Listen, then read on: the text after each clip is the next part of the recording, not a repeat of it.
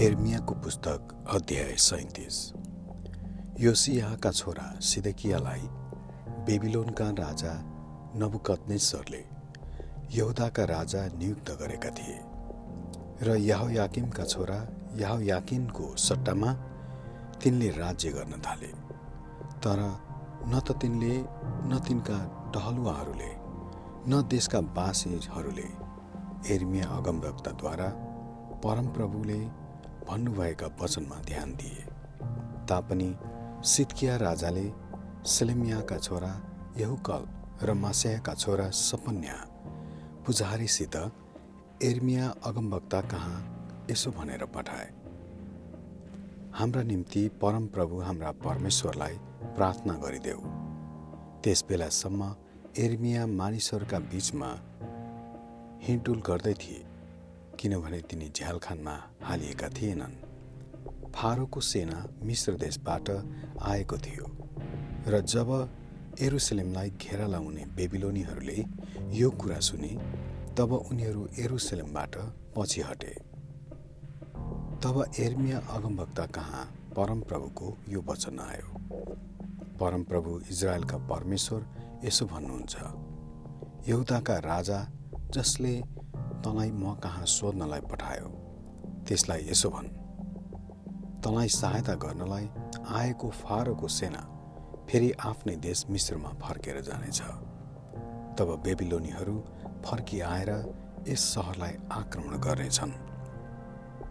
उनीहरूले यसलाई लिनेछन् र जलाइदिनेछन् परमप्रभु यसो भन्नुहुन्छ बेबिलोनीहरूले निश्चय नै हामीलाई छोडिदिनेछन्।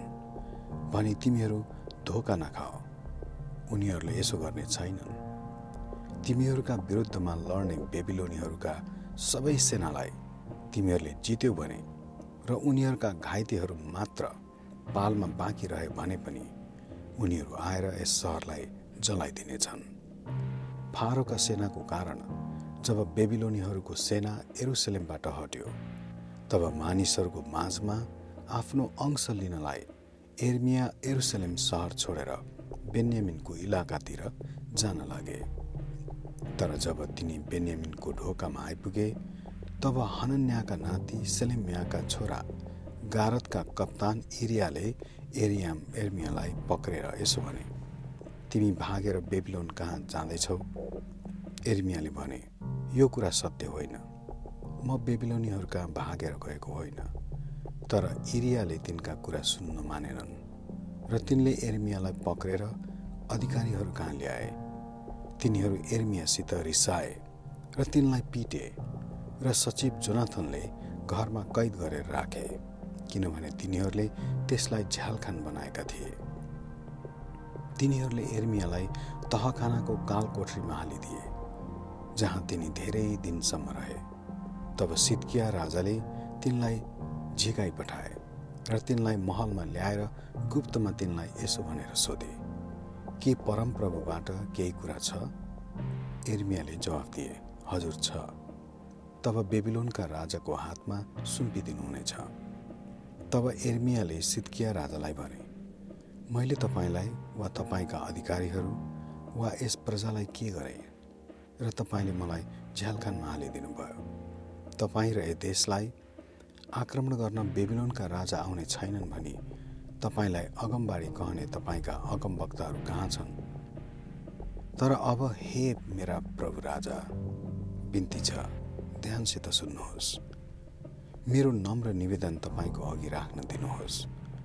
मलाई सचिव जनाथनको घरमा नपठाइदिनुहोस्।